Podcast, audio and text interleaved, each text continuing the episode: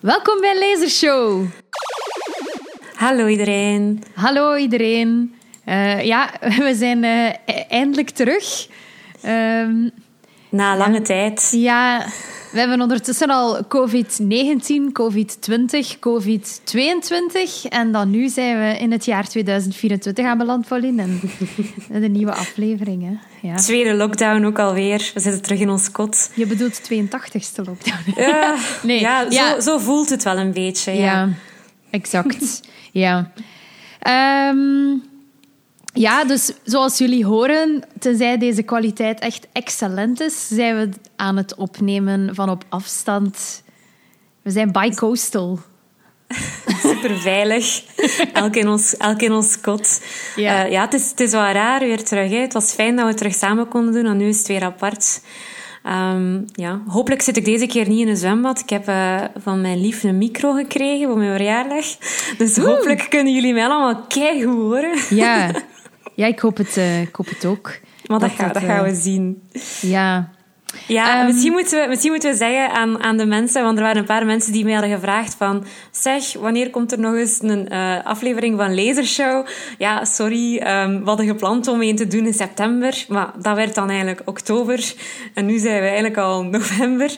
Maar bij deze, we zijn er wel nog en we gaan zeker nog afleveringen maken, maar... Ja. ja, en ik wil graag de bullet taken, want het was ook een beetje een beetje mijn schuld soms, omdat ik voelde mij swamped in door mijn, door mijn stomme schoolwerk en door... Ja. Maar kijk, voilà. Het waren hectische maanden, hè? Absoluut. En we hebben ook eens in quarantaine gezeten. Uh, ja... Uh, maar nu, toen dat wij in quarantaine zaten, was er bijna niemand in quarantaine. Want nu, hè, we, zijn, we zijn november, hoor je het meer en meer. Maar in begin september... Of nee, nee, wat zeg ik nu? Uh, eind september was dat toch, was toch nog anders zo. Dan dan voelden wij ons toch wel een beetje apart. Sorry trouwens voor de alarmsignalen uh, op de achtergrond. Uh, ja. Het zijn wat onderhoudswerken hier beneden. ja, dat gebeurt hè, als je thuis zit. Ja, voilà. Ja. Um, ja. Uh, de, topic, de topic van vandaag? Ja, gewoon. Hè. Laten we gewoon rechtdoor erin vliegen. Ja, heeft geen zin om nog over corona en lockdowns en wat allemaal nog te praten. We zijn het allemaal beu. Ja, voilà. Eigenlijk is escapisme de beste manier om hier door te geraken. De enige manier. De enige manier. Dat en koeken. maar is dat ook niet gewoon escapisme? Ik vind het super erg dat ik niet bij jou ben, want normaal krijg ik bij jou altijd dinosauruskoeken. En ja, wij hebben dat niet in huis, dus nu ja, heb ik gewoon mijn tas thee. ja, want ik had ook... Ik heb zo daarnet zo'n marshmallow van Lotus gegeten. Mm. Dat is echt... Uh, ik wist niet dat ze die apart verkochten, want dat zat zo in de... Het zo die familiepaks van Lotus met dan ook allerlei andere koeken in. En dan zit dat daar ook bij. Maar dus je nu ook... Family pack. Ja, ja wel of zo, zo een assortiment. Eten jullie dan met z'n tweetjes een family pack op? Nee, ik koop die nooit. Ah. Dat is, dat is gewoon... Dat staat, uh, dat staat op de zwarte lijst hier, dat mag niet. maar uh, dus, uh, ja... Kunt die dus apart kopen. Ja, okay, ja. voilà. Anyway, um, Goed, dus we zijn alweer afgeweken. Uh, Pauline, wil jij het boeken aankondigen? En, boeken en koeken zijn belangrijk. Ja, ik zal het aankondigen. Uh, vandaag uh, zullen we het hebben over um, een redelijk recent boek, namelijk de nieuwste van Elena Ferrante, Het leugenachtige leven van volwassenen. Yes. Ja, ja. ik weet niet waar te beginnen. Uh, misschien kunnen we gewoon beginnen met Elena Ferrante eventjes te schetsen. Um, voor wie haar nog niet kent. Zij um, is een Italiaanse schrijfster. Die schrijft onder een pseudoniem of mm -hmm. een schuilnaam. Dus wij kennen haar echte identiteit niet. Er wordt ook gezegd dat zij uh, niet alleen zal schrijven, maar dat ze met twee zijn, een beetje Nicky French-stijl. Um, dus haar identiteit is onbekend. Ze is al actief uh, aan het schrijven sinds de jaren negentig. Um, en zij wordt enorm uh, ja, gelinkt met de streek van Napels. Haar boeken uh, gaan vaak, indien niet altijd, over Napels en ja, de volksbuurten in Napels. En dan met name haar Napolitaanse romans de vier uh, romans die ze uitbracht, uh, denk ik weet niet wanneer die oorspronkelijk in het Italiaans zijn verschenen, maar in het Nederlands zijn die rond 2015 uitgekomen. En uh, Pauline, ken jij nog de, de titels van de Uh, Nee, maar ik heb, ze, ik heb ze wel opgezocht. Ja. Uh, maar misschien moeten we daar later over praten, want eigenlijk is dat ah, ja. een beetje onze oldtimer. Ja, dat is ook waar. Dat is ook waar. maar dus ze, is, uh, ze wordt geroemd om haar vrouwelijke perspectief, vrouwelijke personages, de vriendschappen tussen vrouwen. Um, en ja, ook in dit boek is het hoofdpersonage een vrouw, een jonge ja. vrouw, eigenlijk een tiener eerst een kind, daarna een tiener, ehm, die terugkijkt uh, op haar jeugd. Dus eigenlijk zouden we moeten aannemen dat een volwassen, een volwassen verteller terugkijkt op de puberteit. Ik weet niet of dat jij dat ook zo zag, of moeten we dat niet aannemen? Ah, ik heb daar eigenlijk niet echt zo over nagedacht ja. toen ik het las. In elk geval, um, het hoofdpersonage heet Giovanna.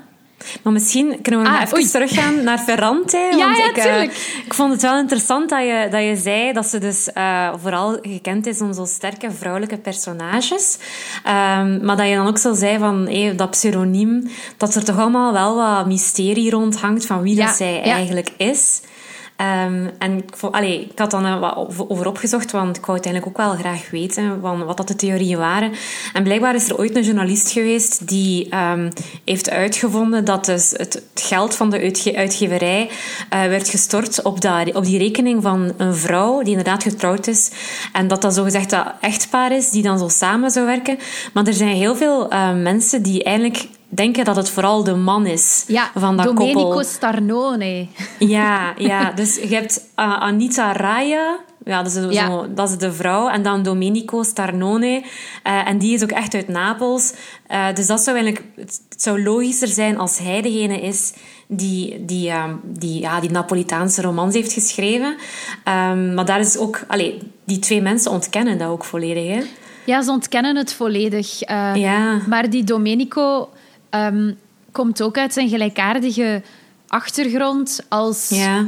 eh, zogezegd Elena Ferrante, dus de volksbuurten van Napels. En heeft ook een beetje een gelijkaardig traject afgelegd als de schrijfster, zogezegd. Um, en ze hebben ook teksten geanalyseerd en vergeleken. En de schrijfstijl zou ook enorm aanleunen bij die Domenico Starnone. Maar inderdaad, Ja. die doen daar volledig afstand van. Ja, maar zij, er, allee, er is ook veel kritiek op gekomen, had ik gelezen, dat, ja, dat dat weer typisch is, dat als er echt goede boeken geschreven worden, dat er dan precies zo wat mensen zo wat sceptisch tegenover staan dat dat wel een vrouw is die dat kan geschreven hebben, dat het altijd logischer lijkt dat een man dat zou geschreven hebben. En um, ik heb zoiets van, um, kent je die uh, auteur Jeanette Winterson? Ik heb het hier ook opgeschreven, ja. Ja, van Oranges. Oranges are not the only fruit. Ja. Dat ze, dat ze zei van ja, um, dat, dat eigenlijk het publiek zodanig de dag van vandaag geobsedeerd is met de figuur van de auteur, van de schrijver, zo dat, dat autobiografische eerder, uh, dat, dat eigenlijk dat het eigenlijk heel uniek is dat we de dag van vandaag zo'n figuur hebben, zoals Ferrante, die, waarvan dat we eigenlijk niet goed weten wie dat, dat eigenlijk is, waar dat die woont, wat dat die heeft gedaan in haar leven, dat dat echt zo'n groot vraagteken is. En dat vind ik eigenlijk echt wel interessant, inderdaad, dat dat bijna zo ja, gewoon, je weet er gewoon niks van. En mensen en, en journalisten hebben echt zo geprobeerd om het mysterie te ontrafelen en zo echt onderzoek gedaan van waar gaat dat geld naartoe, naar welke rekening. En allee, ik vind dat eigenlijk wel fascinerend uh, dat mensen toch nog altijd zo hard geobsedeerd zijn door het idee van de auteur, de schrijver. Ja, ja want ik vind dat zelf niet zo, niet zo belangrijk. Ik zou nu wel... Ik denk wat ik wel interessant zou vinden, is... Is het nu geschreven door een vrouw of door een man? Ik zou het ook wel willen weten, eigenlijk. Ja, omdat daar toch... Het is wel... Er wordt vaak gezegd van, het is zo geschreven dat het bijna alleen maar door een vrouw zou kunnen zijn. Hoe dat die, die vriendschappen en die, die complexiteit daarvan wordt... Uh, ja, omschreven dat dat niet anders zou kunnen dan een vrouw. Maar misschien is die Domenico Starnone... Uh, ja, heeft die... Uh, ja, is dat gelijk uh, What Women Want, die film. is dat met Helen Hunt. Mel, en met Mel, Mel Gibson. Gibson. Ja. Het is grappig, want die... Wacht, ik moet hoesten, sorry. Corona-hoestje. Dat, dat weet ik, ja. Het kan altijd. Ehm, eh, grappig, die Jeanette Winterson was inderdaad dan ook ehm, een beetje geërgerd dat er een soort obsessie was rond een vrouwelijke auteur die veel succes heeft en dat ze dan willen achterhalen wie het is. Ja, en dat ze, dan... dat niet kunnen accepteren, dan een, Ja. dan een vrouw. Ja. Maar ook, ik had zo'n quote opgeschreven van ja, um, at the bottom of this so-called investigation is an obsessional outrage at the success of a writer, female writer, who decided to publish and promote her books on her own terms. Ja, on her own door dat, terms. Ja, door dat onderzoek te voeren en te zien van hé, ehm, wie is dat en, en wie krijgt er het geld van de uitgever, neem je ook een stuk van de agency van die auteur, die eigenlijk echt gewoon anoniem wil blijven, neem je dat ook voor een stuk weg. Ja. En ik denk, Ferrante heeft een interview gegeven in 2015 met Vanity Fair. Heb je dat gelezen? Eh, nee, dat heb ik niet gelezen. Want daarin eh, zei ze eigenlijk dat ze door het, een pseudoniem te gebruiken, ehm, zei ze: I have gained a space of my own, a space that is free, where I feel active and present. To relinquish it would be very painful. Dus zij heeft dat wel echt bewust zo gedaan om, om nooit haar identiteit vrij te geven. En, en dat geeft haar ook als auteur, denk ik, een zekere vrijheid om ook te schrijven. Ehm, en, en als je dat dan opeens moet opgeven, inderdaad, omdat er journalisten nu per se willen ontmaskeren, kan, allee, vind ik dat ook een beetje triestig eigenlijk. Ja, dat is zo alsof dat niks nog een mysterie mag zijn. Ja, zeker omdat we leven zo in tijden waar we zo overprikkeld zijn en dat we alles weten en kunnen opzoeken en dat Wikipedia ons direct kan vertellen wie dat Elena Ferrante is. Maar dat gaat niet, dus dat, dat, dat triggert ons van we willen meer weten. We zeiden het net ook van we willen echt weten, is dat nu een man of een vrouw? Ehm, maar ja. Ja. soms moeten we misschien aanvaarden dat we het gewoon niet weten. Ja, ja ze wordt de Banksy van, ehm, van de literatuur genoemd. Ah, dat is ook een goeie.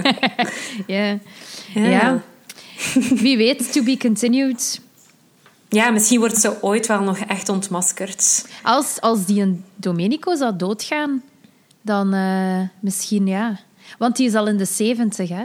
Of zijn vrouw. Of zijn vrouw, ja. Maar zij is een vertaalster van Duitse literatuur, dus Ja. ja, ja er wordt minder eh, aan haar gedacht, ja.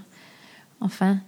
Oké. Goed, naar het verhaal dan. Ja, ja. Het, het leugenachtige leven van volwassenen. Ja, ehm, Heb had jij er al veel over gehoord of gelezen voordat je aan het boek zelf begon? nee, eigenlijk eh, niks. Ik bedoel, ik wist dat Ferrante een nieuw verhaal had. En eh, ik had ook al gehoord van mensen die het hadden gelezen, maar ik wist niet wat de inhoud was. Dus ik heb gewoon de achterflap gelezen en dan ben ik begonnen. Ah, wel, ik eigenlijk ook niet. Maar ik had wel ehm, gelezen dat in Italië dat blijkbaar de mensen echt mega allez, zo excited waren dat er een nieuwe Ferrante was. En dat er zo mensen waren aan het aanschuiven al van voor middernacht aan de, de lokale boekhandelaar. Om toch maar eh, dan uiteindelijk dat boek op de eerste dag te kunnen kopen en direct te beginnen lezen. Zo bijna een beetje zo die Harry Potter gekte van vroeger. Ja. Maar dan in Italië voor Ferrante. Dat is kei tof. Ja, Ja. Het leeft wel echt in Italië, denk ik. Ja, ja ik denk het ook. Ehm, dat doet mij Het er nu aan verhaal, denken. Ja, of- sorry. Ja, nee, ja, we gaan maar. niet- Nee, nee, maar ja, ik, ging, ik had nog eens gelezen dat blijkbaar de vertalers van Ferrante het, eh, haar stijl naar een hoger niveau zouden brengen dan dat in Italië is in het Italiaans is geschreven. Maar En bedoel je de Engelse vertalers of de Nederlandse vertalers? Ehm, wel, het artikel was in het Engels, dus het ging over Ah, ja. die... Die wordt heel vaak genoemd, die vertaalster. Ja. Ik weet nu even haar Ja. naam niet, maar... Ja. Eh, daar, dat, dat dat dan... ehm, dat blijkbaar in Italië... Dat ze er soms minder hoog mee oplopen dan in het buitenland. Maar Ah ja. ik, misschien heeft dat te maken met zo de, de literaire positie of zo. Ik weet het niet. Dat die, want ik denk, literaire positie of niet, ze heeft denk ik heel veel fans. Ehm, of, ja, ik, ik denk ook, ze, ik denk haar boeken zijn in ik weet niet veel talen vertaald geweest Ja. en zo. En, ja. Echt, hè? Ehm, Oké, eh, we zullen dan gewoon, eh, we zullen dan gewoon eh, praten Naar, over... naar onze Giovanna gaan. Ja, Giovanna. Ehm, ja, dus Giovanna vertelt in de ik-persoon over ehm, het gezin waarin ze opgroeit. Haar vader en haar moeder. En ze is enig kind. En ze beschrijft haar kindertijd als een... ehm, eigenlijk een beschermde en, en liefdevolle omgeving. Ehm, waarin haar ouders eh, een, een, een soort ideale figuren zijn die alles doen om haar te ondersteunen en te begeleiden en lessen te leren in het leven. Maar dan wordt ze, is ze 13 jaar en dan zegt haar vader. Wat zegt haar vader? ah ja, ik weet niet, je, bent zo mooi aan het vertellen, dus Ah, ik ging nu even haar vader zegt, haar vader zegt ehm, nadat ehm, Giovanna een minder goed rapport en zo heeft gekregen en haar ouders zijn aan het discussiëren in de keuken en ze luistert dan af en ze, eh, vader zegt ze begint meer en meer te lijken op mijn zus Victoria. Maar Tante Victoria. Victoria. Tante Victoria. Ja, en dat is wel eigenlijk een beetje zo'n enigmatische figuur ook. Die, Ja. ja. ja, het is eigenlijk helemaal geen compliment hè, als de papa zegt dat zijn dochter eh, lijkt op tante Victoria. eh, want er is eh, een, een groot conflict tussen de familie en tante Victoria. En zelfs op, in de familiefoto's is haar gezicht zo uitgekrast.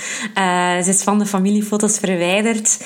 Ehm, en eigenlijk op dat moment ontstaat er eigenlijk een soort van breuk tussen Giovanna, die, die dan nog maar 13 jaar oud is. Ehm, omdat zij dan eigenlijk ook heel nieuwsgierig wordt naar die tante. En, en ze wil eigenlijk graag contact hebben met die tante om te zien wie dat, dat is. Ook omdat die tante eigenlijk in een heel andere buurt woont, in Napels. Terwijl zij met haar mama en haar papa in zo'n mooi appartement vol met boeken woont. In zo de, de goede côté van, van Napels woont die tante zo in een van die ja, armere volkswijken die we kennen uit de Napolitaanse romans. Eh, en ja, dan gaat ze op een gegeven moment, krijgt ze dan de, de goedkeuring van haar papa om de tante op te zoeken. En dan gaat ze dus daar naartoe. En ja, tante Victoria is inderdaad wel nogal een figuur. Hè? Eh, is nogal grof gebekt. Ehm, ja, die eigenlijk re- redelijk armoedig leeft, had ik zo de indruk. In vergelijking met, met, haar, allee, met Giovanna dan, die maar mama en papa toch wel een zekere luxe heeft. Ehm, en, en die, als ze dichter bij haar tante komt, ehm, raakt ze eigenlijk ook meer en meer vervreemd van haar ouders. Want haar tante geeft eigenlijk ook een heel ander beeld van die geïdealiseerde ouders dat ze had. Ehm, ik denk dat op een gegeven moment Allee, ik zeg, het is echt nogal een beetje een grofgebekte vrouw. Hè. Die zegt zo van... Ja, uw ouders zijn beesten. Uw moeder is een vuile trut. En, en uh, die papa is een klootzak. Um, wacht, ik had een fragmentje dat. Um, ja, het is wel heel kleurrijk hoe dat die tante spreekt. Um, hier zegt ze bijvoorbeeld... over haar ouders. En ze zegt tegen Giovanna... Van ja, jij houdt van je ouders. Omdat het je ouders zijn. Maar als je niet kunt zien wat voor klootzakken het zijn, dan word je net zo'n klootzak als zij. En dat wil ik je niet meer zien. ik beelde mij in dat dat in het Italiaans zo stond als bastarde. Ja. ik vond dat echt grappig van, uw ouders zijn klootzakken, jong. Ik, allee, dat klinkt zo raar in het Nederlands. Ja, dat is juist. Die tante maakt ook haar intrede. Dan, gaat daar dan thuis, uh, Giovanna. En dan klopt ze op de deur. En dan die tante die doet ook open alsof dat ze daar drie seconden geleden al had aangebeld. Zo, of dat ze hier vorige week stond van, ah ja, allee. En ze draait daar gewoon om. En ja, het is niet van, ah, mijn nichtje. Ja, hier ben je dan eindelijk. Zo, totaal geen... Uh, ja. Nee, die tante, die tante is echt zo wat boertig, hè? een beetje lomp, zo stel ik mij nou voor. En ze is ook zo nog altijd geobsedeerd met haar, ja, haar, haar geliefde, die, ja, die er niet meer is. Want daar vertelt ze dus heel tijd over en ze neemt ook echt, ja... Um, ze is nogal expliciet ook als het over seks gaat. Ze heeft daar geen problemen uh, van daarover te praten, over seks. En, en met, allee, dat vond ik ook wel nog allee, opvallend in feite. Ja, ja, ja. ja ik, was, ik was trouwens aan het denken... Um in, naar aanleiding van onze podcast van vandaag, hoe dat we zouden kunnen spreken over de roman zonder te veel prijs te geven over de inhoud. Omdat ja. het... Um, ja... Ja, het is... Uh... Ik snap wat je bedoelt, maar ik denk, dat we, ik denk wel dat we kunnen zeggen dat het een soort van coming-of-age story is, een beetje. Ook Ja. omdat de titel, de titel zegt het eigenlijk al. hè. En ik denk dat we kunnen eigenlijk gewoon samenvatten dat Giovanna eigenlijk leert dat het perfecte leven van haar ouders eigenlijk helemaal niet zo perfect is. En dat um, een deel van het volwassen leven eigenlijk is dat wij gewoon heel veel liegen uh, tegen elkaar. En ja, dat ze eigenlijk ook door het verschil van die, die wijken in Napels, de verschillende soorten mensen in haar leven, dat ze eigenlijk volwassen wordt uh, en, en probeert eigenlijk een beetje haar, plaats te zoeken in die, in die verwarrende wereld. Uh, zo zag ik het eigenlijk, als we het zo zouden een beetje willen, willen samenvatten. Ja, absoluut, ja. Ja, dat is uh, echt uh, de, beetje de onttovering, de verdrijving uit het paradijs. En, en, en hoe dat je... Ja, hoe dat je wakker wordt en eigenlijk snapt van... Oké, ja, volwassenen liegen tegen elkaar heel vaak. En, en soms, allez, want dan merkt ze ook een soort van verandering in haarzelf. Dat ze zelf ook soms lelijke dingen begint te zeggen. En, en dat ze eigenlijk dat, dat, ze dat zo wat linkt aan, aan, ehm, aan het volwassen worden. En ook dat ze zo, ze vertelt het zo, um, dat ze het gevoel heeft dat haar kindertijd uh, haar ontglipt. En dat vond ik wel mooi. Ik had hier een passage ook.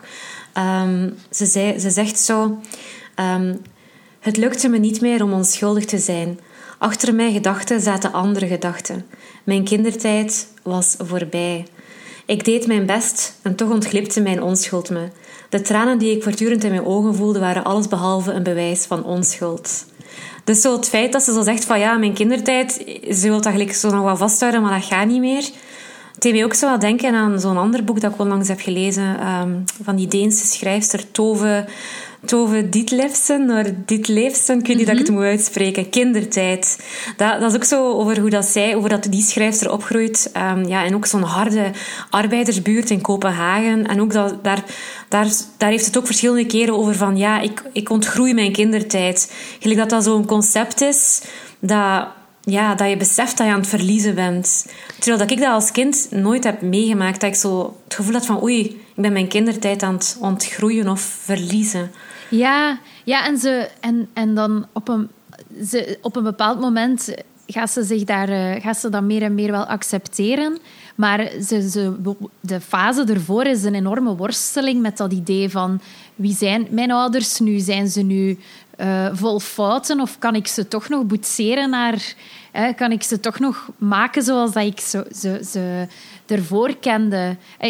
Um, er, allee, er gebeuren van alle dingen en dan, ze zegt bijvoorbeeld van, over haar moeder. Um, ik probeerde te bedenken wat ik moest doen om haar terug te brengen. Uh, en haar terug te krijgen zoals ze was toen ik niet eens besefte hoe erg ik op haar gesteld was. En het me juist vanzelfsprekend leek dat ze er was, bereid om in al mijn behoeften te voorzien en dat ze er altijd zou zijn. En dat ze een soort... Haar moeder heeft dan zo gezegd een pact van de familie doorbroken maar dat is eigenlijk ook gewoon het beeld van haar moeder dat zij moet leren bijstellen naarmate ze ouder wordt um, en opgroeit. Natuurlijk, er gebeuren een aantal redelijk extreme dingen waardoor dat, dat beeld ja, aan, in scherven uiteenvalt. Uh, veel meer dan bij tieners die een rustige ja, puberteit misschien kennen. Inderdaad. Ja, ik denk ook zo, um, wat ik er ook heel hard heb uitgehaald, is zo die ontluikende seksualiteit ook wel. En eh, hoe moeilijk dat dan moet zijn als je zo in zo'n buurt opgroeit, of zo in het, in het Napels van, wat is het, de jaren negentig, waar dat zo die macho-cultuur toch wel nog echt uh, hoogtij viert. Uh, ik denk dan aan het potlood-incident. Um, ja. Kunnen, mogen, we mogen we daarover praten? Ik denk het wel. Hè? Oh, ja, dat is niet zo... Ja, dat, ja, dat vond ik toch wel... Er is zo een jongen in haar school die, um, die zegt zoiets van... Um, hey, dus ze heeft een keischoon lichaam, ze heeft, ze heeft grote borsten en lange benen of zo. Uh, dus ja, ik zou er wel seks mee hebben, maar ik zou er wel een kussen op haar hoofd leggen dat ik haar kop niet moet zien. Eigenlijk komt het daarop neer dat hij dat zo zegt. Hey, en, en Giovanna, ze hoort dat. En dan, ja, er is echt zo'n woede.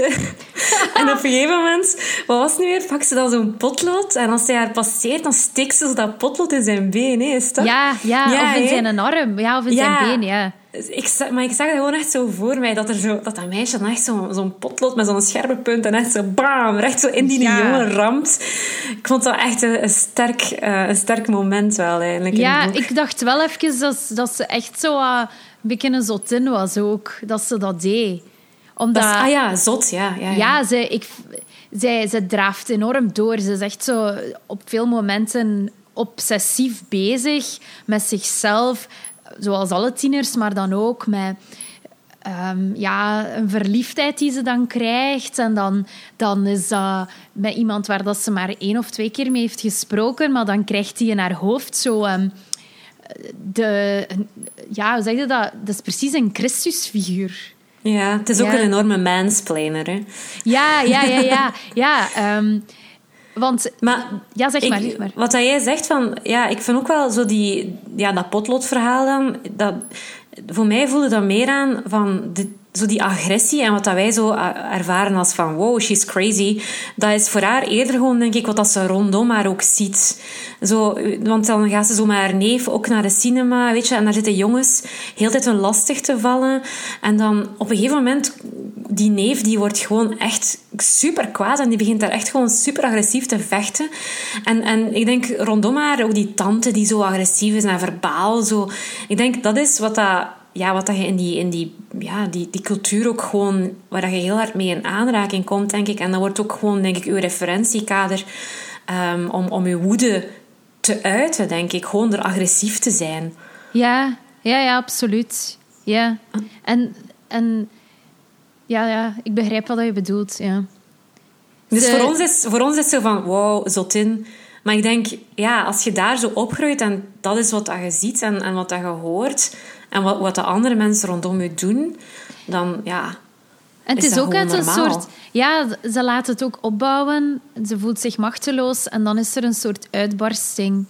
Uh, Ja. Ik heb gewoon zo, terwijl ik aan het schrijven was, dacht ik... Oké, er waren een aantal kernwoorden die bij mij terugkwamen. En ik heb geschreven zelfbedrog, wrok, beschuldiging, loyaliteit, afwijzing.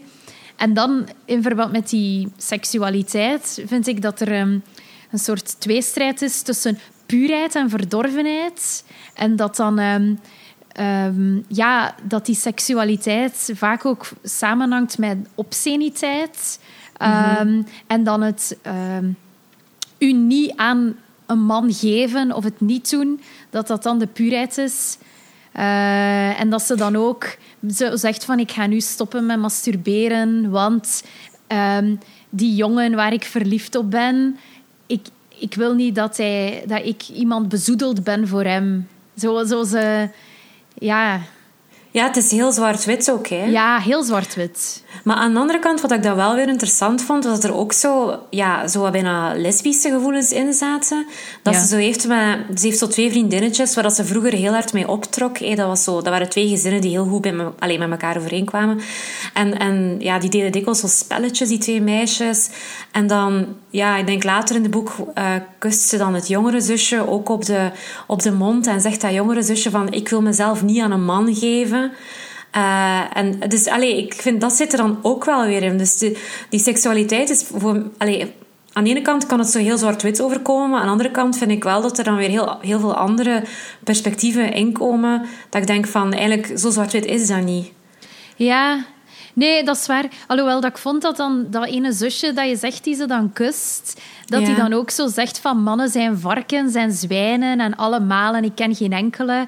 En dat het uit zo'n soort bijna afkeer is van mannen, dat ze zich zo richten tot vrouwen.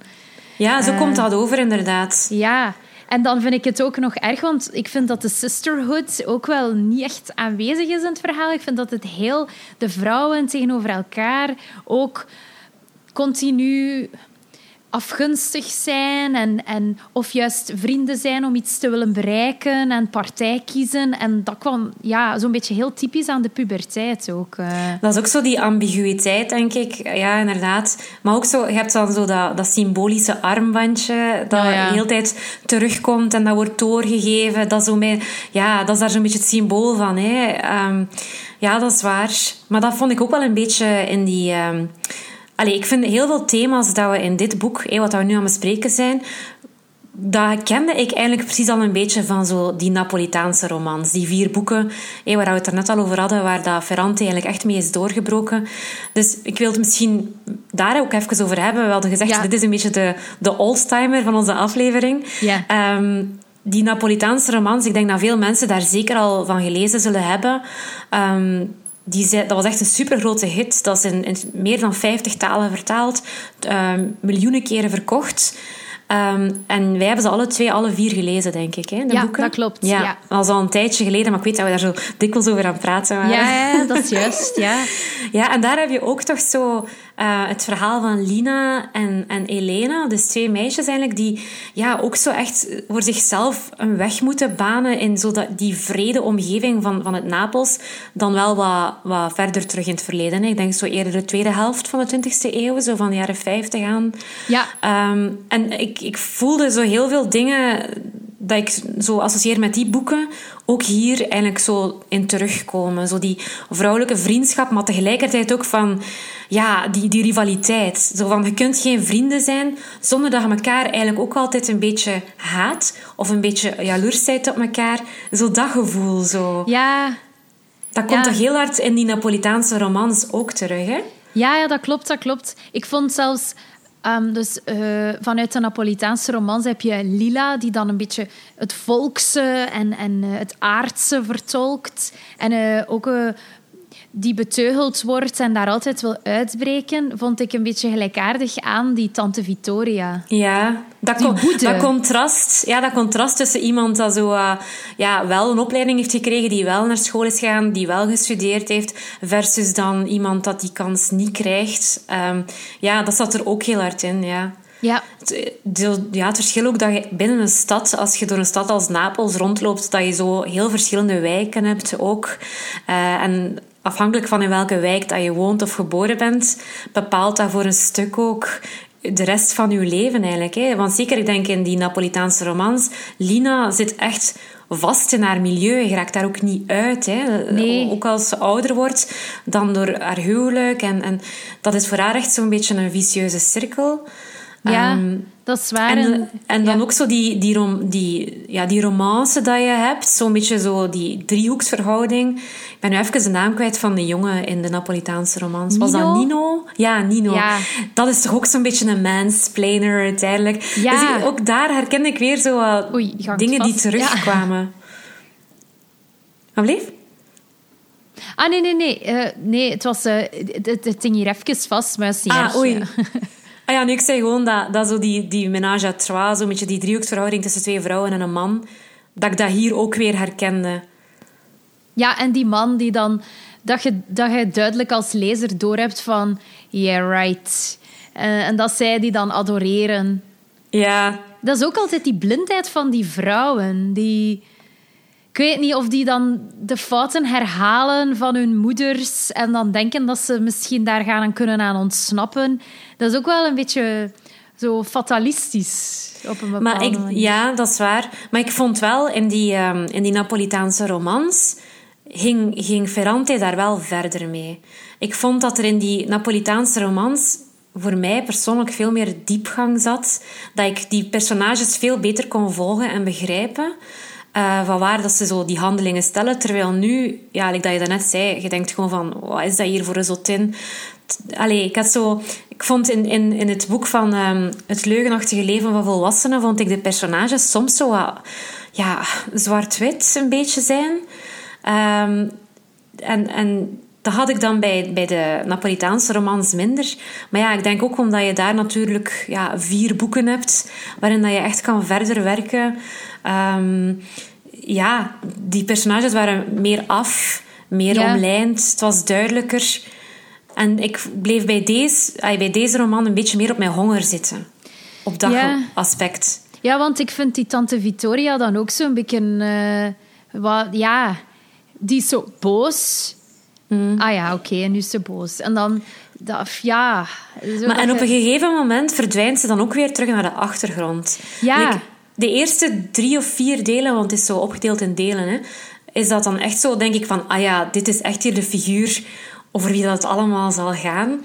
Maar Ja. dan denk ik, als we zo bij stuk vijf of zes zijn, dan, dan is dat gewoon nog maar een figuur geworden op de achtergrond. Dan gaat het terug meer over Giovanna. En dan, dan, dat vind ik ook wel spijtig, want die Vittoria intrigeerde mij wel of zo. Ja. ja, en ik denk ook dat, dat dat ook misschien voor een deel bewust is gedaan om te tonen dat zij dan ook heel weinig contact had in die tijd met die Victoria. En dat zij iemand was misschien ook... Ja, het wordt niet onder stoelen of banken gestoken dat ze ook opportunistisch is in haar manier van omgaan met anderen. En dat ze dan die Victoria soms ook ziet als een... Ja, zij is taboe, dus dan vindt ze dat heel spannend. Die brengt haar dan dichter bij die jongen waar dat ze verliefd op geraakt. Ehm, En dan Maar ineens is omgekeerd, zij... Ja, omgekeerd ook, hè. Ja, ja, ja zeker. Die, ja, de tante is ook heel opportunistisch. Hè. Dat lijkt mij alsof dat iedereen in Napels daar zo, zo rondloopt. Zo super opportunistisch en stout en zo. Ja. Allee, zo vol met agressie. Dat boek is allee, heel erg doordrongen van negatieve gevoelens wel, vond ik. Maar dat, dat, vond je dat bij de Napolitaanse romans dan minder? Goh, ik denk het misschien dat, dat, dat ik dat ook vond. Ehm, want het is iets raars. Ik, ik, ik, vind, ik vond dat dan heel goed. Maar dan kan ik dat heel moeilijk benoemen waarom soms. Omdat ik vind de stijl waarin het geschreven is niet zo bijzonder. Ik vind het... Ja, het is heel intens zo. Altijd is alles emotie. Het is gelijk... Alles is zo... En, en dan voelde ik mij zo. En dan was ik aan het nadenken wat dat die eh, dacht als ik dat ging zeggen. En, en het is zo een en al emotie. En dan Ja. denk ik, wow. Ik heb, dat, ik heb het dus echt zo in een... eh, bijna non-stop doorgelezen. Dit boek of de Napolitaanse romans? Ehm, de Napolitaanse romans, denk ik, heb ik er ook... Dat was het vierde dat nog moest achterkomen of zo. Denk ik. ja, ik ik herinner mij dat wij echt dat wij die, dat wij die alle twee aan het lezen waren en dat we zo bezig waren van, heb je die, zit je al in het derde boek of zit je al in... Ja. Dat, wij, dat wij echt zo daardoor aan het vliegen waren. En dat is wel waar. Dat, dat leest enorm vlot. Ehm, en ik denk, wat ik daar ook interessant vond wel, is ook omdat je dat zo ziet. En je ziet zo de tijd veranderen. Je ziet zo de 50s overgaan naar de 60s. En die communistenbeweging en het leven aan de universiteit. En, en dat miste ik hier een beetje. Want hier zit je zo in de 90s, zo de jaren 90. En ik vond het allemaal zo wat minder interessant dan die Napolitaanse ehm, romans. En ik weet ook wel, ik heb die eerste Napolitaanse roman... ehm, de geniale vriendin, hè, Ja. heb ik eh, in het Nederlands gelezen. En daar was ik eigenlijk niet zo van onder de indruk. Ik had zoiets van... Uh, allee, ja... Ik vond dat zo die kinderen en dan met die pop en dan zo die enge figuren en die kelder. Ik weet niet, dat, dat, daar was ik niet zo van onder de indruk. Maar dan was ik zo toch ja, aan de tweede begonnen. ehm, de nieuwe achternaam. Die heb ik in het Engels gelezen. En dan het derde boek, ehm, Wie vlucht en wie blijft. Dat vond ik wel heel goed. Ik weet dan nog dat ik dat, ik dat, dat derde boek voor mij echt zo er nog uitsteekt uit dat kwartet van boeken. Want dat vierde dan, het verhaal van het verloren kind. Of The Story of the Lost Child. Daar, voor mij werd het een beetje te veel melodrama met dat kind dat dan gepakt is. En, maar ja, het is wel waar wat je zegt, zo die woede en zo, ja, die maffia die dan zo de mensen controleert. En, en, eh, En die als een- broers. Er zijn zo twee broers in de Napolitaanse romans. Die zo van al kleins af aan duidelijk zo wat boefjes zijn. Maar dan, worden, dan binnen die zo heel de buurt te controleren als volwassenen. Ja. Weet die zijn dan echt zo... Ik weet het ook niet meer, maar die worden dan effectief degene die dan gewoon de buurt overnemen. Ja. Ja. Heb jij ooit... Ehm eh, zijt je ooit in Napels geweest? Nee, ik zou wel Ja. graag eens gaan. Ze zeggen Napels zien en sterven, hè. Ja, aan syfilis dan, hè? dat is zo. Nee, dat wordt zo gezegd, Napels zien en sterven, omdat dat was vroeger op de, de, ehm, de Grand Tour die ze deden, de, de welgestelde jonge mannen, dat ze dan in Napels kwamen en dan gingen ze naar de prostituees en dan kregen ze syfilis en dan stierven ze daar. En dat was de- de laatste stad die ze hadden gezien. Ah, ik dacht, dat dat gewoon, ah, ik dacht dat dat gewoon was omdat Napels gewoon zo mooi is. Dat je dan Ja. rustig kunt sterven. Het is wel, een, het is wel zeer mooi, maar ja, dat, ik, ik heb... ehm, ik ben Jij bent be- er geweest, hè? Ik ben er geweest, ja. Het is, het is, eh, het is een, een heel... ehm, hoe zeg je dat? Er is, er is een stad met heel veel sfeer. Eh, Ja. En je hebt daar die prachtige Amalfi-kust. Ehm, ja, maar ook als je daar door die straatjes loopt, die straatjes zijn super smal en je kunt heel gemakkelijk binnenkijken in de huizen, omdat de mensen geen licht hebben, behalve door hun deurgat. En dan zie je zo hoe dat die, hoe dat die mensen eigenlijk leven. En we, we zitten in Italië, maar dat lijkt zo ja, triestig en, en, en een beetje armoedig. Zo een donker huis. En eh, ja, ik, ik vond dat... eh, dan moest ik ook enorm denken aan, aan die Ferrante-buurten. Ik ben Ja, ook naar ja- daar gegaan omdat, omdat ik was geïnspireerd door, Ah ja, eh, zo- door de. Ferrante-verhalen. Ja, naar Ischia dan gegaan, naar het eiland daar voor de kust. Ehm, en het eten is ook fantastisch lekker. Het is Mm. echt wel... eh, ik zou zeker het aan iedereen aanraden om naar Napels te gaan.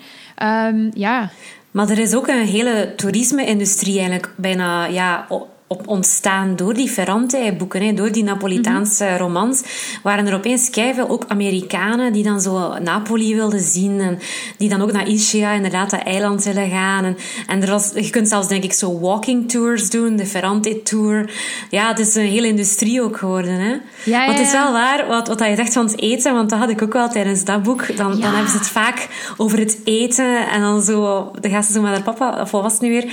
Ja, ze gaan zo iets gaan eten. Oh, dat klonk, oh, dat klonk echt goed. En dan Ja. zit je zo in je zetel tijdens de lockdown en denk je zo van, oh, Italië, dat eten, de zon, de zee.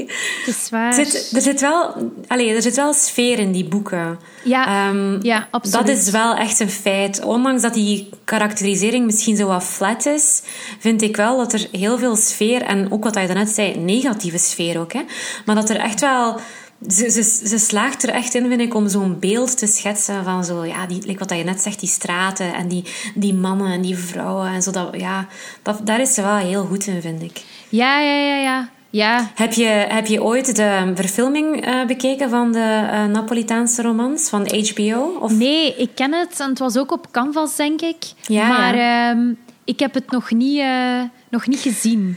Ah, wel, ik, heb, ik ben toen, ja, de eerste aflevering ben ik beginnen kijken en ik had echt zoiets van, nee, ik wil hier eigenlijk niet verder naar kijken. Ik wil mijn tijd er zo niet in steken. Eén, omdat ik al de verhaallijn kende en die is wel heel erg blijven hangen bij mij. En ik had het gevoel van, ja, die verfilming voegt voor mij niets toe. Die gaan mij niet zo hard... Allee, want in die boeken, ik weet dat nog, we zaten daar echt zo in. En die verfilming had helemaal niet dat ja, dat effect op mij. En ik vond het zo allemaal zo smooth en proper. Zelfs het vuil was eigenlijk proper. Snap je wat ik Ah, bedoel? ja. Zo dat vuile Napels was zodanig in beeld gebracht dat het gelijk weer bijna esthetisch was of zo. Ja, denk zo, poverty chic. Zo. Ja, zo'n reclamefilm of zo van... Wat is zo? Casa di Mamma of, of Ja. of Bertolli Boter of zo. Ja, ja, ik begrijp het. Zo, dat is de charme van... van Ja. eh, dat, ook de cucina povera. Zo de arme keuken. Allee, Ja. Dat ze zo, zo dan... Eigenlijk de tijd waarin dat mensen bijna niks hadden en dat ze kookten met eenvoudige ingrediënten, dat wordt nu naar een soort gastronomisch niveau gebracht van de echte pure olijfolie en de pure focaccia en zo. eh. Ja, maar terwijl dat, dat in die tijd gewoon heel triestig was. Ja. Dus ja, die serie... pff, Ja, ik kan er niet veel over zeggen. Ja, ik, ik heb nu gezien dat ze The Lying Life of Adults, of ja, ons, dus ons boek van vandaag, ook gaan verfilmen Ja. met Netflix. Er is zelfs Ja. al een trailer. Maar die Ah, trailer is... Ja, maar je kunt niks zien, want ik denk dat ze ook nog geen, niet echt veel beelden hebben misschien. Het zijn gewoon zo citaten uit het boek in het Italiaans en die dan rondvliegen. Ah ja, dus het gaat, ze gaan weer echt met een Italiaanse cast werken wel. Ik denk het. Ja. Ja. Ah ja. Of, Of- zou misschien... Is het een film of het gaat dan een film zijn waarschijnlijk en geen serie? Ehm, ah, wel, ik weet het niet. Ik heb daarnet... ehm wacht, hè, dus die trailer bekeken. Bu. Ah, TV-series, ja. Ah, toch? Wacht, hè. Ja, ja, het wordt een Netflix original. Oké. Ja. Want ik vraag mij wel af hoeveel afleveringen dat je daar dan uit kunt puren uit dat boek. dat Want Ja. Het zal misschien toch een miniserie zijn dan. ja, Ja, ik ben wel benieuwd, maar ik heb dus... Ik zoek het ook niet actief om, om dan die, die Napolitaanse romans te... ehm, te eh, die verfilming daarvan te bekijken. Ik heb zo precies- precies mijn eigen beeld en gevoel daarbij en ik hoef dat niet per se te zien op het scherm. ja, inderdaad. Ja, maar ja... ehm, ik heb trouwens ook... Ik heb ooit ook van haar... ehm, maar ik heb dat niet uitgelezen. The Days of Abandonment gelezen. Dat is een van haar dat andere... dat... Was dat niet een van haar eerste allee, hits, zo gezegd? Een van haar eerdere vertaalde boeken? Ja, ja, dat was... ehm, dat is over een vrouw die dan door haar man wordt verlaten en met haar twee kinderen achterblijft. En die ook zo compleet crasht. En zo, ja, in zo'n negatieve spiraal gaat en al. Maar ja, zoals de andere boeken van Ferrante, het is echt heel veel beschouwing en, en die psyche. En ik dacht zo, oef. Eh, ik had op dat moment even gezegd, ik, oké, nee, ik ga, ik ga misschien een andere keer opnieuw... eh, ja. Ja, de titel alleen al is quite heavy, hè? Ja. Days of Abandonment. Dan denk ik Ja. al van, oh, niet echt rooskleurig. Nee, het is waar, het is waar. Eh, ja. Ja. uh, ik denk dat, misschien, dat we misschien al aan het einde zijn gekomen ja. van uh, deze podcast. We're speechless. Um, ja, nee, ik was nog eens aan het kijken. Wil ik nu nog iets, wil ik eigenlijk nog iets zeggen of zo? Maar ik denk dat wij eigenlijk alles... Uh... Nee, ik denk... Allee, wat dat voor mij zo'n beetje het gevoel is, als ik het nog moet samenvatten, want allee, op de cover dan van mijn boek staat er echt zo van... Elena Ferrante is niet te verslaan. Uh, het is zoals alle grote literatuur een noodzakelijk boek. Um, en, en dan denk ik zo van, ja, zo, zo voel ik het nu toch ook weer niet. Ik vond dat een entertainend boek om te lezen.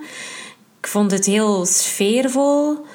Maar ik had niemand van die personages echt graag, waardoor ik er niet helemaal in zat, precies. Mm En dus ik weet niet of ik echt zo akkoord ga met al die praise, dat, al die lof dat ik zo hoor. Soms denk ik ook zo van ja het is ook gewoon wat Ferrante is misschien, dat het zo'n lof krijgt. En als, dat nu, als ditzelfde boek nu door zo'n onbekende Italiaanse auteur geschreven zou zijn, zou dat misschien niet eens gepubliceerd worden? Of zou het misschien nooit dezelfde aandacht krijgen? Ah, ik weet het niet. Dat zijn dan zo de vragen die ik mij stel. Is, is dit boek nu zo goed omdat het van Ferrante is voor veel mensen? Of ja, moet ik, is dat misschien gevaarlijk om zo te denken? Ik weet het niet. Nee, nee, ik ga akkoord. Uh, en ja, dus ze heeft haar naam gemaakt. Hè. Dus ze kan ook in, met haar merk misschien zich vaker meer permitteren dan beginnende auteurs. Het is ook, ik heb ook een gelijkaardige kritiek gelezen uh, online ah, van de New Yorker, dat ongeveer hetzelfde zegt als misschien wat wij wel denken van... Ja, uh, mocht het geschreven zijn door een beginnende auteur, mm. met dus dat adolescentenperspectief dan vooral... Uh, ja, bij, bij, bij de boeken van, van de Napolitaanse romans, dat perspectief shift ook, omdat je dan met vol, allee, die volwassenheid komt daarin en die kindertijd. Allee, en je volgt, je volgt dat zo meer, hè? Ja, ja, is dat toch nog bijzonder, meer bijzonder dan, dan dit. Uh, ja. Ja, want die quotes die zijn gewoon ook quotes nog van die vorige boeken. Hè. Dat is, ik bedoel, die praise voor Elena Ferrante, dat is toch vaak wat ze doen. Ze zetten dan gewoon... Uh, zo uitspraken over een ander boek in het groot en niet over dit boek. Maar dan denkt ze, oh, dat is keigoed. En dan blijkt dat het eigenlijk gaat over die vorige boeken. Ja, ja, ja. Maar ja, er staat echt wel... Deze nieuwe roman van Elena Ferrante bevestigt opnieuw haar grote en unieke talent. Als geen ander is ze in staat om heel gedetailleerde vriendschappen en relaties tussen vrouwen neer te zetten. Ja, dus dan... Ja, ik weet niet... Ik vind het op zich heb het wel graag gelezen en ik ben blij dat ik het gelezen heb. Maar ik denk, het is ook een beetje een vloek. Als je zo die, dat kwartet van die Napolitaanse romans al geschreven hebt, je hebt dat al in de wereld gebracht en iedereen associeert je daarmee, dan wordt het volgens mij ook wel moeilijk om dat dan nog te gaan evenaren. Ja. Denk ik. Ja, dus ja, je kunt dat inderdaad gebruiken en gewoon eh, nog een beetje meesurfen op die golf van ja, dat dat blijkbaar aanslaat bij de mensen, zo dat Napolitaanse uh, sfeertje. Maar het wordt ook gewoon moeilijk, denk ik, om nog zoiets goeds te, te schrijven. En zeker ook van die, van ja, zo de, de het is echt wel een, een, enorme tijdspanne dat je in die vier romans meevolgt. Het is episch. Dat, dat, dat is moeilijk om, om dan nog, denk ik, te evenaren, volgens mij. Om, om... Mhm. Maar soms vraag ik mij ook af, want dat, zeggen wij ook soms. Hè. We hebben dat alle twee gelezen, denk ik, zo ja, vijf jaar geleden. Of zeven jaar geleden misschien al, ik weet het niet. Als we dat nu opnieuw zouden lezen, zouden we het dan nog altijd zo goed vinden. Ja, ik dacht net hetzelfde toen dat ik daar aan het lezen was. Ik en maakte is dat iets... bedenking. Ja. ja, is dat iets dat ik denk sowieso, als je dat herleest, dan vind je dat nooit meer zo goed als de eerste keer dat je dat ontdekt, denk ik. Omdat je niet meer... Je weet al wat er komt, je zit niet meer zo in dat verhaal. Ja, en misschien dat het dan ook... Ik weet niet, als je jonger bent of zo, nog iets meer indruk op je maakt, sommige dingen. En dat je dan ouder wordt, dat je dan denkt, oké, ja, nu is dat minder mogelijk. En ja... Ja, nee, nee ik heb, ja, we hebben die boeken gelezen in 2015 ongeveer, denk ik. Uh, ah, ja. jaar geleden, ja. Ja. ja, maar ik moet zeggen, het, is, het blijft een, ik vind het wel een heel intrigerende figuur, die Elena Ferrante. Ja, ik ga zeker ehm, blijven lezen. Als er nog nieuwe dingen verschijnen, ga ik blijven lezen. Hoeveel, hoeveel laserstralen zou je het geven? Um, ja, we zijn al een paar keer vergeten te doen. Hè. Ja. Ons hele concept van oh, de podcast om laserstralen te geven. Um, ik denk Um, drie of drieënhalf. Mogen we halve straaltjes geven? Zo? Alles mag, zelfs 0,25 mag. En, ja, 3,75. Nee, ik denk 3,5. Ja. En jij? Ja. Ja, zoiets. Ik denk 3,5. Ik zou het zo net geen 4 willen geven. Ik weet ook niet waarom. Omdat, omdat ik er net niet genoeg in zat of het net niet goed genoeg vond om daar zo'n 4 op 5 op te plakken. Akkoord. Ja. Oké. Voilà. Alright, dan was dit eh, onze Ferrante-aflevering. Ja. En dan eh, geven wij nu nog het woord aan de onbekende lezer van deze week. Ah, wacht. Misschien kunnen we nog Of- zeggen... Ah, wacht. Ik dacht een beetje de socials aanprijzen als jullie ons willen volgen via Ah Instagram. ja, wij, ver- wij vergeten dat ja, altijd. want ik hoorde altijd van andere podcasts en wij zijn zelf... eh, eh, moeten dat zelf ook doen. Dus als jullie ons willen volgen via Instagram, via Lasershow, eh, ja, dan vinden jullie ons. En ehm, je mag altijd ook oeh, een recensie achterlaten in, de, eh, in eh, jouw podcast-app. Eh, Voilà, nu hebben we een beetje aan schaamteloze zelfpromotie gedaan. Voilà, kijk, af en toe moet je dat durven. Ja, dat is waar, dat is waar. Maar ja, ik ben ik nogal een beetje een nuchtere West-Vlaming. Ja, kijk, nee. Fier zijn, hè, op wat je doet. Oké, Ai, ai. Alright, tot de volgende. tot de volgende. Dag. Dag. Ik wil graag ehm, Verbroken Beloftes van Jenny Offel aanraden. Het is een, ehm, een dun boekje. Ehm, het gaat over een, een jonge vrouw die op een moeilijk punt zit in haar leven. Die reflecteert over hoe, hoe haar leven gelopen is en waar ze nu staat. Ehm, of de keuzes die ze gemaakt heeft wel de juiste keuzes zijn. Of, of het leven dat ze nu leidt wel het leven is dat ze eigenlijk voor ogen had. Ehm, ze, heeft, ze heeft vragen en twijfels. Eh, ze reflecteert heel veel. Ehm, het is eigenlijk een soort. Ja, ze maakt ook van alles mee, want, want ze heeft een dochtertje en ehm, haar relatie loopt niet echt, eh, loopt niet echt perfect. Ehm, en al die dingen lijken zo herkenbaar. Ehm, ze schrijft het heel erg vlot. Het is echt vanuit het, vanuit het ehm, perspectief van het hoofdpersonage geschreven. Ehm, waarbij ze niet alleen over haar eigen gedachten schrijft, maar die ook betrekt op de dingen die ze hoort, leest, ziet, eh, gesprekken die ze voert met, eh, met vrienden en vriendinnen. Ehm, dat maakt het heel erg persoonlijk, heel erg herkenbaar. Ehm, er zit ook heel erg veel humor in, eigenlijk. Eh, ze, ze, neemt, ze neemt zichzelf wel op de korrel. Ehm, ja, het is, allee, ik vond het, ik heb, het is een van de weinige boeken die ik al twee keer heb gelezen. Dus dat vind ik op zich eigenlijk al genoeg zeggen. Verbroken beloftes van Jenny Offel. Echt, doen.